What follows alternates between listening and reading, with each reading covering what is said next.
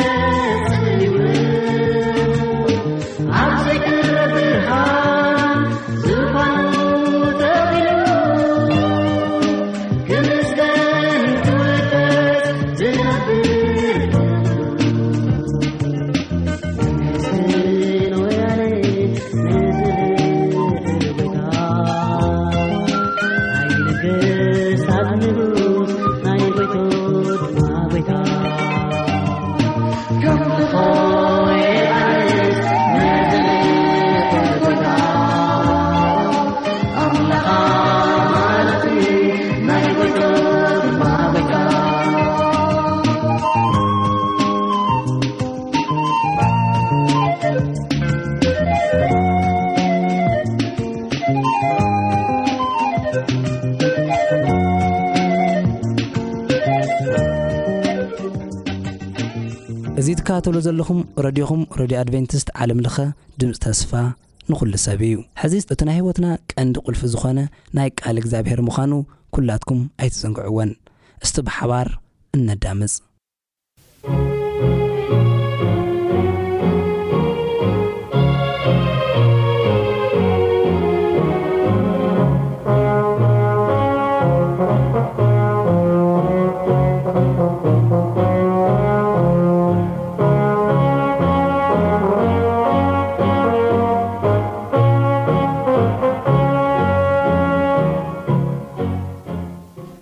ሰላም ሰላም ኣብ በቦትኡ ኮንኩም መደባትና እናተኸታተልኩም ዘለኹም ክቡራት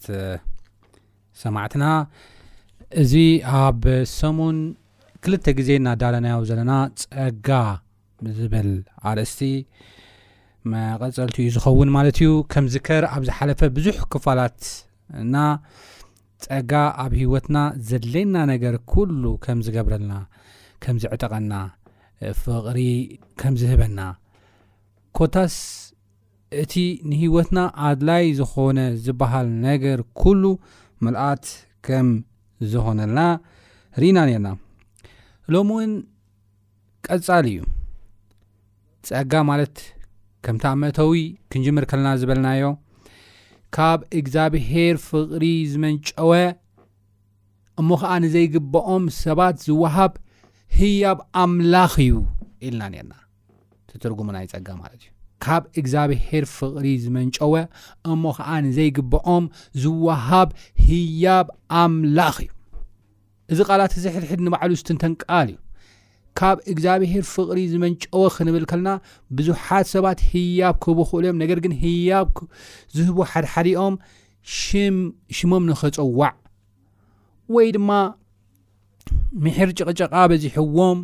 ካብኦም ንኽትርሕቕ ወይ ድማ ሰብ ከይብሉኒ ተደሂበ ሰብ ከምዚ ክብሉኒ እዮም ኢሎም ካብ ኢሉ እንታ ዝተላዕለን ከምኡውን ካብ ካልእ ምኽንያታትን ይህቡ እዮም ነገር ግን እግዚኣብሄር ንዓና ዝሃበና ካብ ፍቕሩን ካብ ምሕረቱን ካብ ለውሃቱን ዝተላዕለ እምበር ካብ ኢሉ እንታ ዝመፀውን ኣይኮነን ስሙ ንኸፀውዕን ስሙ ክከበርን ኢሉ እውን ዝገበሮ ነገር ኣይኮነን ስለ ዘፍቀረና ንዓና ከድሕን ስለ ዝፈተወ ህያብ ከም ዝሃበና ኢና ንርኢ ማለት ስለዚ ካብ እግዚኣብሄር ፍቕሪ ዝተላዕለ ዝበልኮኑ እዚ እዩ ንዘይግብኦም ዝወሃቦም ህያብ ኣምላኽ ክብል ከሎ ከዓ ንሕና ህያብ ኣምላኽ ዝግብኣና ሰባት ኣይነበርናን ተቐዳማይ ብሓጢኣትና ካብ ኣምላኽ ርሕቕና ዝነበርና ሰባት ኢና ብሓጢኣት ምኽንያት ድማ ፀላእቲ ኣምላኽ ዝኾንና ወይ ድማ ዝነበርና ሰባት ኢና ቀጺሉ ውን ድኹማት ርእስና ከነድሕን ዘይንኽእል ሰባት ኢና። ረብሓ እኳ ክርከበሉ እዩ ተባሂሉ ምንም ረብሓ ዘይርከበልና ሰባት ኢና ኔርና። ስለዚ እግዚኣብሄር ግን ንዓና ንዘይግብኣና እሞ ከዓ ጸላእቲ ኣምላኽ ዝነበርና ሰባት ንዘለኣለም ሞት ዝተፈረድና ሰባት ህያቡ ክበና ከም ዝፈቐደ ከም ዝሃበና እዩ ዝነገረና ማለት እዩ እዚ ህያብ እዚ ከዓ ካብ እግዚኣብሔር ፍቕሪ ዝተላዕለ ንዘይግብኦም ዝወሃብ ህያብ ኣምላኽ እዩ ክንብል ከለና እዚ ህያብ እዚ ከዓ መን እዩ ኢልና ክንሓት ከለና እዚ ህያብ እዚ ክርስቶስ እዩ ምስ ክርስቶስ ኩሉ እዩ ሂብና ናይ ዘላለም ህይወት ሂብና ኣብ ዘላለም ህይወት ዘድለና ነገራት ድማ ብምሉእ ሂብና ኣብዚ ክሳብ ናብ ሰማይ ናብታ ሰማያዊ ቤትና ክሳብ ንኸይድ ድማ ዘድለና ኩሉ ዘማልኣልና ነገራት ኩሉ ዘማልእ ነገር ከም ዝሃበና እዩ ዝነገረና መፅሓፍ ቅዱስ ማለት እዩ ስለዚ ኣብ ናይ ሎሚ እንሪኦ ብዛዕባ ጸጋ ከዓ ጸጋ ይዕጥቕ ጥራሕ ዘይኮነ ብፍቕሪ ይመልእ ጥራሕ ዘይኮነ ኣዘራረባና ዝልውጥ ጥራሕ ዘይኮነ ሎሚ እውን ንሪኦ ጸጋ ትጉህ ክትከውን የኽእለካ እዩ ወይ የኽእለኪ እዩ ዝብል ሓሳብ ኢና ንርኢ ትግሃት ይህበካ እዩ ቅድሚ ኩሉ ግን ኣብዚ ናይ ሎማዓንቲ ንሪኦ ሓሳብ እግዚኣብሄር ምእንቲ ከምህረናን ክመርሓናን ሕፅር ዝበለ ፀሎት ክንፅሊ ኢና እግዚኣብሔር ኣምላክና ስለዚ ግዜን ሰዓትን ነመስግነካ ኣለና ሕጂ ድማ ቃልካ ከፊትና ኣለና እሞ ከተምህረናን ክትመርሓናን ኣስተውዒልና ድማ ምንባር ንክእለሉ ጸጋ ክተብዝሓልና ንልምን ብጎይታናን መድሓናን የሱስ ክርስቶስ ስም ኣሜን ኣብ ናይ ሎሚ ኣርእስትና ጸጋ የትግህ ክንብል ከልና ክልተ ሓሳባትና ብዋናነት ክንርኢ እቲ ጸጋ ብኣና ዝሰርሖ ስራሕን ከምኡውን ከመይ ገይሩ ትጉሃት ከም ዝገብረና ኢና ክንርኢ ማለት እዩ ፀጋ ብኣና እንታይ ዓይነት ስራሕ ከም ዝሰርሕ ከምኡውን ከም ዘትጋሃና ትጉሃት ከም ዝገብረና ኢና ንርኢ እ ብዋናነት ሓሳብ እቲ ማለት እ እምበር ናይ መጀመርያ ጥቕስና ንሪኦ እቲ ዋና ጥቕስና ክበሃል ክእል ዩ ዝጥቕስ እዚ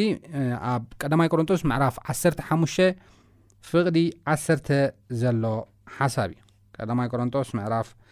15 ፍቕዲ 1 እቲ ዘለኹዎ ግና ብፀጋ ኣምላኽ ዘሎኹ ይብል ጳውሎስ ንሰብ ኮረንቶስ ክጽሕፍ ከሎ። ካብ ኩላቶም ዝበዝሕ ደኣ ጸዓርኩ እምበር እቲ ንኣይ ተዋህበ ጸግኡ ከንቱ ኣይኮነን። እቲ ምሳይ ዘሎ ጸጋ ኣምላኽ ደኣ እዩ እምበር ኣነ ኣይኮንኩን ዝብል እዩ። ኣብዚ ሓሳብ እዚ እምበኣር ናይ መጀመርያ ሓሳብ ዘርእየና ዝነግረና ብፍላይ ካብታ እዛ ጥቕሲ እዚኣ ዘንበብናያ እቲ ሓንቲ ክወስድ ዝደሊ ካብ ኩላቶም ዝበዝሕ ደኣ ጸዓርኩ እምበር ንኣይ እተዋህበ ጸግኡስ ከንቱ ኣይኮነን ዝብል ሓደ ሓሳብ ክርኢ ይደሊ ጸጋ እቲ ናይ ቀደም ታሪኽና እቲ ዝሓለፈ ታሪኽና ሕሉፍ ታሪኽና ኣብኡ ተኣሲርና ንኸይንነብር ይገብረና እዩ ብዙሓት ኣብ ናይ ዝሓለፈ ታሪኮም ኣብ ዝሓለፈ ብዝገበርዎ ነገር ኣብ ዝሓለፈ ብዝተዘረብዎ ነገር ወይ ድማ ኣብዝሓለፈ ዘከናውንዎ ተግባራት ሕማቅ ይኹን ፅቡቅ ናቱ እስረኛ እዮም ዝኾኑ ሕማቅ እቲ ኮይኑ ዋኣ ነይ ክእል ፈቲነ ኮ ነረ ከምዚ ከምዚ ኮ እዩ ስለዚ ኣነ ኣይክእልን እየ ኢሎም መፃኢ ሂወቶም እቲ ሕጂ ዘሎ ሂወቶም ከይጥቀምሉን ከይሰርሑን ይገብሮም እዩ ዝሓለፈ ሂወቶም ኮዩ ብኣወንታዊ ከኣ ክንሪኦ ከለና ዝሓለፈ ሂወቶም ጽቡቅ ኣከናዊኖም እንተደኣ ከይዶም ኔሮም ዋእ ኣነኮ ኩሉ ይኽእል እየ ኣነኮ ከምዚ ገይረ እየ ኣነኮ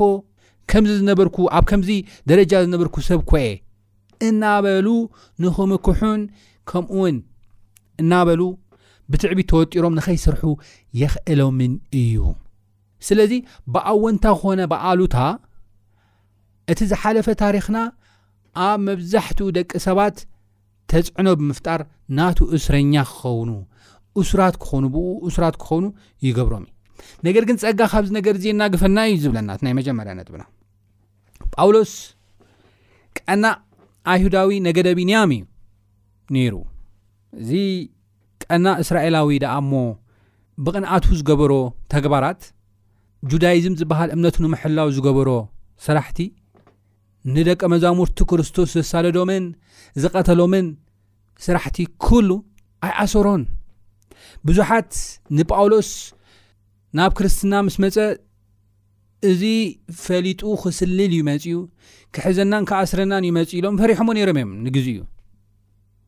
ነገር ግን ናይ ሰብ ትኩረት ናይ ሰብ ዓይኒ ናይ ሰብ ኣተሓሳስባ ከይገደሾ ናይ ዝሓለፈ ሂወት ኣነ ኮ ሓጢኣተኛ እየ ክሳብ ክንዲዚ ሓጢኣት ሰሪሐ ኢሉ ርክምሽምሽ ኢሉ ኣብ ክንዲ ኮፍ ምባል ነዚ ነገራት እዚ ነዚ እስራት እዚ ሰባቢሩ ንፀጋ ኣምላኽ ደው ኢሉ ስራሕ ክሰርሕ ከሎ ኢና ንርኢ ማለት እዩ ያውም ዓብ ስራሕ ያውም ኣብ ቀዳማይ ቆሮንጦስ ምዕራፍ 15 ፍቅዲ 1 ዘንበብናዮ እንታይ እዩ ዝብለና ካብ ኩላቶም ዝበዝሕ ተኣፅዓርኩ እምበር ኣይሰነፍኩን እስረኛ ኮይነ ይተረፍኩን እዩ ዝብል ዘሎ እሱር ኮይነ ይተረፍኩን ስለዚ ፀጋ ካብቲ ዘለና ናይ ሕሉፍ ታሪክና እስራት ፈትሑ ዓብ ስራሕ ክንሰርሕ ከም ዘኽእለና እዩ ዝዛረበና ማለት እዩ ካብ ዝገርም ጳውሎስ ዝሓለፈ ታሪኹ እንዲያም ከመይ ገይሩ እዩ ተፈትሑ ዝሓለፈ ታሪኹ ብኸመይ እዩ ዝሪኦ ክንብል ከለና ከም ኣይሁዳዊ ኣይሁዳውያን ሕጂ ጁዳይዝም እምነት ንክሕሉ እዩ ዝኽሉ ተግባራት ዝገብሮ ነይሩ ኢሎም ክኾርዑ ይኽእሉ እዮም ነገር ግን ንሱ እዚ ነገር እዚ ዝሪኦ ዝነበረ ኣብ ቀዳማይ ጢሞቴዎስ ምዕራፍ ሓደ ፍቕሪ 12 ክሳብ 13 ከም ዝብል ሓሳብ ኢና ንረክብ ኣነ ነቲ ሓይሊ ዝሃበኒ ክርስቶስ የሱስ ጎይታና ንኣገልግሎቱ መዲቡ እሙን ክኸውን ስለ ዘብቅዓኒ ኣመስግኖ ኣለኹ ኣነ ቀደም ጸራፍን ሰጓግን ገፋዕን ነይረ ክነሰይሲ ከይፈለጥኩ ብዘይምእማን ስለ ዝገበርክዎ ምሕረት ረኸብኩ ኢሉ ክዛረብ ከሎ ኢና ንርኢ ስለዚ እቲ ናይ ብዝሓለፈ ታሪኹ ክዛረብ ከሎ ብዛዕባ ዝሓለፈ ታሪኹ ሓደ ኣነ ጸራፍን ገፋዕን ሰጓግን እየ ነይረ ብዘይምፍላጥ ስለ ዝገበርክዎ ግን ካብ ኣምላኽ ምሕረት ረኺበ ምሕረት ረኺበ ቀጺሉ ኸዓ ንኣገልግሎቱ እንደገና መዲቡ፣ ምሕረት ሂቡ እንደገና ንኣገልግሎቱ መዲቡ፣ እሙን ገይሩ ስለ ዝቖጸረኒ ንኣምላኽ የመስግኖ ኣለኹ ኢሉ። ስለዚ እግዚኣብሄር ንዓይ ምሕረት ሂቡ፣ ካብ ሓጢኣተይ ኣንጺሁ፣ እንደገና ንኣገልግሎቱ መዲቡ፣ እሙን ገይሩ ስለ ዝቖርጸረኒ ካብ ዓብዪ ዕዮ ስለ ዘቐመጠኒ ኣምላኸይ ኣመስግኖ ኣለኹ ነቲ ኣገልግሎት ንኽፍጽም ድማ ሓይሊ እውን ስለ ዝወሰኸለይ ንኣምላኸይ ኣመስግኖ ኣለኹ ኢሉ እቲ ናይ ብዝሓለፈ ሰባት ዝእሰርሉ ብዙሕ ማእሰርትታት ብዝሓለፈ ህይወት ህይወቶም ዝእሰርሉ እስራት በጣጢሱ ደርብዩ ንቕድሚት ክግስግስ ከሎ ኢና ንርኢ ማለት እዩ ስለዚ ጸጋ ብናይ ዝሓለፈ ታሪኽና እሱራት ንኸይንኸውን የኽእለና እዩ እንብሎ በዚ ምክንያት እዚ እዩ ማለት እዩ ናይ መጀመርያ ሓሳብ ስለዚ ካብዚ ንመሃሮ ሓደ ነገር ከይተማሃርና ክሓልፍ ኣይደልን እየ። ንሱ ድማ እንታይ እዩ? ዝሓለፈ ህይወትና ብዙሕ እኳ ጽቡቕ እንተዘይኮነ፣ ናይብ ዝሓለፈ ህይወትና ታሪኽ ግን ክኣስረና ኣይግበኦን እዩ። በቲ ጸጋ ክንኣምን ይግበኣና እዩ። ናብቲ ጸጋ ክንመጽእ ይግበኣና እዩ። ካብኡ ሓራ ክንወጽእ ይግበኣና እዩ። ወላ ጽቡቕ ተኾነ ብኡ ከይንእሰር እቲ ሕጂ ዘሎ ህይወትና ከም ዝግባእ ክንዓይን ክንሰርሕን ክንዓቢን ክንሰርሕን እንታይ ክንገብር ኣለና ማለት እዩ ካብቲ ናይብ ዝሓለፈ ህይወትና ታሪኽ ምእሳር ክንናገፍ ክንክእል ኣለና ካብዚ ከዘናግፈና ዝኽእል ድማ መን እዩ እቲ ፀጋ ኣምላኽ ጥራሕ እዩ ፀጋ ኣምላኽ ጥራሕ እዩ ስለዚ ፀጋ ኣምላኽ ተቐቢልኩም ዶ እዩ እቲ ዘናግፍ ካብ እስራት ዝፈትሕ ክርስቶስ ኢየሱስ ከም ግሊ መድሓኒኹም ጌርኩም ተቐቢልኩም ዶ ብዘይብኡ ምድሓን የለን ስለዚ ከም ግሊ መድሓኒኹም ጌርኩም ዶ ተቐቢልኩምዎ ዝብል ሕቶ ክሓተኩም እደሊ ኢየሱስ ክርስቶስ ክመፅእ ከሎ ኣነ ይብል ኣብ ማቴዎስ ምዕራፍ ኣርባዕተ ከድና ኣብ ንርእየሉ እዋን ንእሱራት ክፈትሕ እየ መጽኤ ክብል ከሎ ንርኢ ማለት እዩ ኣነ ንእሱራት ክፈትሕ ዓይነ ስውር ዝኾነ ከዓ ዓይኖም ከብርህ እየ መጽኤ ክብል ከሎ ብደንብ ንርኢ ማለት እዩ ስለዚ ተልእኾ ክርስቶስ ካብ እስራት ምፍታሕ እሞ ካብዚ እስራት እዚ ንምንጋፍ ናብ ክርስቶስ ክንመፅእ ከም ዘለና ይነግረና ማለት ናብቲ ካልኣይ ሓሳበይ ክኣቱ ከለኹ ኣብቲ ኣገልግሎቱ ብጣዕሚ ብዙሕ መከራን ብዙሕ ፈተናን ኣጋጢሞ እዩ ብጣዕሚ ብዙሕ ፈተናን ብዙሕ መከራን ኣጋጢሞ እዩ ካብቲ ዝገጠሙ መከራን ፈተናን ድማ እስኪ ሒደት ንረአይ ናብ ኣገልግሎት ክመፅእ ከሎ ኩሉ ነገር ሰናይ ኣይኮነሉን ዘሳድድ ዝነበረ ሰብ ተሳዲዱ እዩ በዓል ደሞ ዝነበረ ደሞ ዘይብሉ ኮይኑ እዩ ገዛ ዝነበሮ ገዛ ዘይብሉ ኮይኑ እዩ ስለዚ ኣዝዩ ኣብ ኣሸጋሪ ኩነታት ከም ዝኣተወ መፅሓፍ ቅዱስ ይዛረበና እዩ ስለዚ እዚ ዓብዪ ሽግር ዝገጠሞ ጳውሎስ ግን ኣብቲ ኣገልግሎቱ ጥራሕ ትኩረት ገይሩ ክኸይድ ከሎ ኢና ንርኢ ማለት እዩ እዚ ከዓ ዝኸኣለ እቲ ጸጋ እዩ ምልስ ኢለ ግን ሕጂ ኣብ ካልኣይ ቆሮንቶስ ምዕራፍ 11 ፍቅሪ 23 ክሳብ 28 ዘሎ ሓሳብ ከንብብ ደሊ ኣገልከልቲ ክርስቶስ ድዮም ከም ጽሉል እየ ዝዛረብ ዘለኹ ኣነ በጾም እየ ብጻዕሪ ሕልፊ ዘሎኒ ብማእሰርቲ ሕልፊ ዘሎኒ ብመውቃዕቲ ጸብለል ዝበልኩ ብዙሕ ግዜ ኣብ ሞት ዝበጻሕኩ እየ ብኣይሁድ ሓሙሽተ ግዜ ኣርብዓ ሓደ ጎደል ተገሪፈ ሰለስተ ሻዕ ብሽመል ተዘቢጠ ሓደ ሳዕ በእማን ቀጥቀጡኒ ሰለስተ ሳዕ እታ ዝነበርክዋ መርከብ ተሰብረት ለይትን መዓልትን ኣብ መዓሙቕ ባሕሪ ሓዲረ ወዓልኩ ብዙሕ ግዜ ኣብ መገሻታት ነይረ ኣብ ሩባታት ብፍርሃት ካብ ከተርቲ ብፍርሃት ካብ ደቂ ዓደይ ብፍርሃት ካብ ኣህዛብ ብፍርሃት ኣብ ከተማ ብፍርሃት ኣብ በረኻ ብፍርሃት ኣብ ባሕሪ ብፍርሃት ኣብ ማእኸል ኣሕዋት ሓሶት ብፍርሃት እየ ዝነበርኩ ብዕዮን ብጻዕርን ብዙሕ ግዜ ብምንቃሕ ብጥሜትን ብጻምእን ብዙሕ ግዜ ብጾም ብቑርን ብዕርቃንን ነይረ ኣብ ልዕሊ እዚ ኣብ ወጻኢ ዘሎ ኩሉ ነገር እቲ ኣብ ጸጽባሕ ዝጽበየኒ ዘሎ ማለት ብዛዕባ እቲ ብኹለን ማሕበራት ዝሓልዮ ዘለኹ ሓልዮት እዩ ይብል ጳውሎስ ከምዚ ዓይነት ከርተት ሓሊፉ እዩ ጥሜት ሓሊፉ እዩ ጻማእ ሓሊፉ እዩ መግረፍቲ ረኺብዎ እዩ መውቃዕቲ እምኒ እውን ረኺብዎ እዩ ቁሪ ረኺብዎ እዩ መርከብ ተሰይሩ ድቃስ ምስኣኑን ኣጋጢምዎ እዩ። ኮታ እንታይ ዘየጋጠሞ ነገር ኣሎ ኣብዛ ሓጺር ናይ ኣገልግሎቱ ዘመን? ካብዚ ዝተላዕለ ኣነ በልጹ እየ ማንም ዘገልግል ተሃልዩሲ ኣነ እበልጹ እየ ከምዚ ናተይ ዝበጽሖ የለን ኢሉ ክዛረብ ከሎ ኢና ንርኢ ነገር ግን እዚ ኩሉ ፈተናታት ገጢሞ ክነሱ እንታይ እዩ ዝብል ጳውሎስ ኣብቲ ናይ መጨረሻ ዘረብኡ ክሳዕ ሕጂ ዝሕስበኒ ዘሎ ክሳዕ ሕጂ ዘጨንቐኒ ዘሎ ሲ ኣብተን ማሕበራት ሲ ከመይ እዩ ዝወንጌል ዝኸይድ ዘሎ ፍረ የፍሪ ኣሎ ዶ ፍረ የፍርን ዘሎ እቲ ወንጌል ይሰፍሕ ዶ ኣሎ ወንጌል ኣይሰፍሕን እዩ ዘሎ እቶም ብክርስቶስ የሱስ ዝኣመኑ ኣሕዋትና ይብርትዑ ዶ ኣለዉ ኣይብርትዑን እዮም ዘለዉ ዝብል እዩ ዘተሓሳስቦ ነይሩ ኮታስ ከምቲ ኣብ መጀመርያ ዝበልክዎ ትኩረቱ ሙሉእ ብምሉእ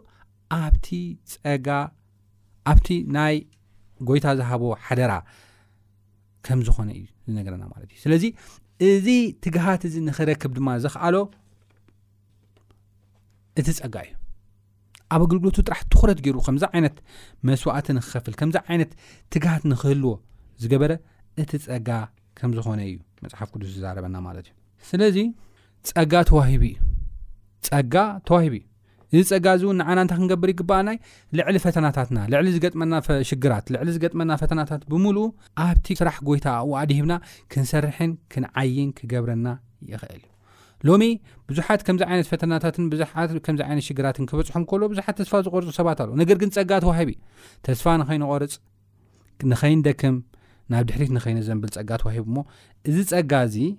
ክንቀበልን በቲ ጸጋቲ ድማ ድማ ክንባረኽ ይግባኣና እዩ ዝብል እምነት ኣሎኒ መጽሓፍ ቅዱስ ዘምህረና ማለት እዩ ኣብ መወዳእታ ኣብ እዚ ሓሳብ እዚ ንሪኦ ተሃለወ እንታይ እዩ ትጸጋ ኣብ ኣገልግሎቱ ጥራሕ ኣተኪሩ ንክሰርሕ ጥራሕ ኣይኮነን ገይሩ ከምዚ ዓይነት ስራሕ ሰሪሑ ንባዕሉ ቅድም ኢላ ኣብ ዘንበብኩ ኣብ ካልይ ቆሮንቶስ መራፍ 11 እንታይ ኢሉ ኣገልገል ከርሶ ድዮም ከምጽሉሉ ዛረብ ኣለኹ ኣነ በልጾምየ ብጻዕሪ ሕልፊ ዘሎኒ ብማእሰርቲ ሕልፊ ዘሎኒ ብመውቃዕቲ ጸብለል ዝበልኩ ብዙሕ ግዜ ከኣ ኣብ ሞት ዝበጻሕኹ እየ ኣነ በልጾምየ ዝብል ዘረባ ክዛረብ ከሎ ኢና ንርኢ ብካልእ ኣባህላ ኣብቲ ዘገልግሎ ኣገልግሎት ኣብቲ ዝሰርሖ ዝፈጸሞ ናይ ወንጌል ስራሕ ዕውት እዩ ነይሩ ጳውሎስ ኣብ ብዙሕ ቦታታት ወንጌል ኣብጽሑ እዩ ንብዙሓት ኣምሂሩ እዩ ናይ ክርስቶስ ትንሣኤ ኣበሲሩ እዩ ነገር ግን ጸጋ ኣምላኽ ንባዕሉ በቲ ዝረኸብናዮ ዓወት በቲ ዝኾነልና ክንውንነት ንኸይንዕበ እዩ ዝገብረና ንኸይንዕበ እውን ይከላኸለና እዩ ቅድም ኢለ ኣብ መእተዊ ዘንበብክዎ ጥቕሲ ኣሎ ንሱ ድማ ኣብ ቀዳማይ ቆሮጦስ ምዕራፍ 15 ፍቕዲ 1 ዘሎ እዩ እንታይ እዩ ዝብል እቲ ዘለኹዎ ግና ብፀጋ ኣምላኽ እየ ዘለኹ ይብል ክጅምር ከሎ ቀጺሉ ኸኣ እቲ ንኣይ እተዋህበ ጸግኡ ኸንቱ ኣይኰነን፣ እቲ ምሳይ ዘሎ ጸጋ ኣምላኽ ደኣ እዩ እምበር፣ ኣነ ኣይኰንኩን ይብል መሊሱ ኸኣ ኪዛረብ ከሎ። እዚ ዅሉ ዓወት፣ እዚ ዅሉ ክንውንነት፣ ብድኻምን ብጻዕርን ገይረ ዝሰራሕክዎ ነገራት ክንውንነት ዝሃበኒ እቲ ጸጋ ባዕሉ እዩ፣ እግዚኣብሄር ባዕሉ እዩ ኢሉ ኣፍልጦ ኽህብ ከሎ ኢና እንርኢ ማለት እዩ። ኣብዚ ሓደ ዓቢ ምስጢር ኣሎ፣ ኣብ ትሕትና ዚርከብ ምስጢር። መጽሓፍ ቅዱስ ንትዕቢት ውድቀት ትቕድማ ዚብል ቃል ኣሎ። ንትዕቢት ውድቀት ትቕድማ እሞ ኣብዚ ነገር እዚ ጳውሎስ እዚ ኩሉ ክሰሪሑ ክነሱ ነገር ግን ብትሕትና ኣነ ኣይኮንኩን ናተይ ስራሕ ኣይኮነን ኣብዚ ነገር እዚ ትዕቢት ንውድቀት ትቕድማ ከም ዝብል ኣይወደቐን ብዙሓት በቲ ዝሰርሕዎ ንእሸይ ነገራት ኮሪዖም ተዓብዮም ይወድቁ እዮም ጳውሎስ ግን ኣነ ኣይኮንኩን ትፀጋ ኣምላኽ እዩ ብምባሉ ንዓቢ ዓወት፣ ንዓቢ ክንውንነት፣ ንብዙሓት ድማ ንበረኸት ክኸውን ክኢሉ እዩ። ኣብዚ ቅድም ኢለ ከምቲ ዝበልክዎ ሕጂ እውን ደጋጊመ ዝብሎ ናይ ዓወት ሓደ ዓቢ ምስጢር ይዛረበና እዩ። ንሱ ድማ እንታይ እዩ? ትሕትና ዝበሃል እዩ። ትሕትና ብትሕትና ኣብ ንመላለሰሉ እዋን፣ ብፍቕሪ ኣብ ንመላለሰሉ እዋን እግዚኣብሄር ከም ዝረድኣናን ዝዓበየ ዓወት ድማ ከም ዘጓናጽፈናን ዘርኢ እዩ ማለት እዩ። ኣብዚ ሓሳብ እዚ እምበኣር ብትሕትና ክነመላለስ ይብል እዩ መፅሓፍ ቅዱስ ናብ የቆብ ምዕራፍ 46 ኣብ ቀዳማይ ጴጥሮስ ምዕራፍ 55 ኣብ ቀዳማይ ጴጥሮስ ምዕራፍ 3 ፍቅዲ 8 ከይድና ንሪኦ ኣለዋን እግዚኣብሄር ንትሑታን ፀጋ ይህብ እዩ ንዝዕበዩ ግና ይቃወሞም እዩ ኢሉ ይዛረብ እዩ ስለዚ ንሕና ትሕት ክንብል ከለና ፀጋ ኣምላኽ እውን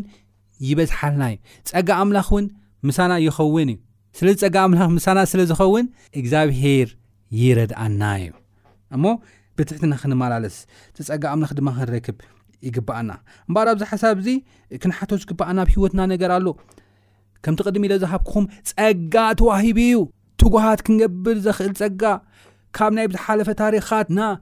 እሱራት ካብ ምዃን ዘድሕን ጸጋ ተዋሂቡ እዩ እዚ ጸጋ እዚ ክንቅበል ይግብኣና እዚ ጸጋ እዚ ድማ ክንቅበሎ እንኽእል እቲ ጸጋ ባዕሉ ክርስቶስ እዩ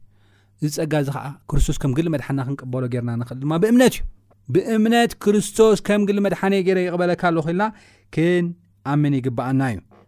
እዚ እቲ ናይ መጀመርያ ሓሳብ እዩ ተቐቢለ ደ ዝብል እቲ ናይ መጀመርያ ክንሓቶ ዘለና እዩ እቲ ጸጋ ከም ተዋህበኒ ኣሚነ ድማ ውሽጠይ ከም ዘሎ ክሳብ ክንደይ እየ ካብ ልበይ ኣሚነዮ ዘለኹ ዝብል ድማ ስዒቡ ዝመጽእ ሕቶ እዩ። ቀጺሉ እውን እቲ ጸጋ ብትግሃት ንኸገልግል ብኸመይ እዩ እናረድኣኒ ዘሎ፣ ብኸመይ እዩ ዝሕግዘኒ ዘሎ ዝብል ሓሳብ እውን ብደንቢ ክንርድኦ ዝግብኣና ንርእሲና ክንሓቶ ዝግብኣና ሓሳብ እዩ ማለት እዩ። ብጸጋ ንኽብርትዕስ እንታይ ክገብር ይግብኣኒ ዝብል ሓደ ዓብዪ ሕቶ እውን ኣሎ እሞ እዝን ካልእን ሕቶታት እናሓተትና ርእስና እናፈተሽና በቲ ቃል ኣምላኽ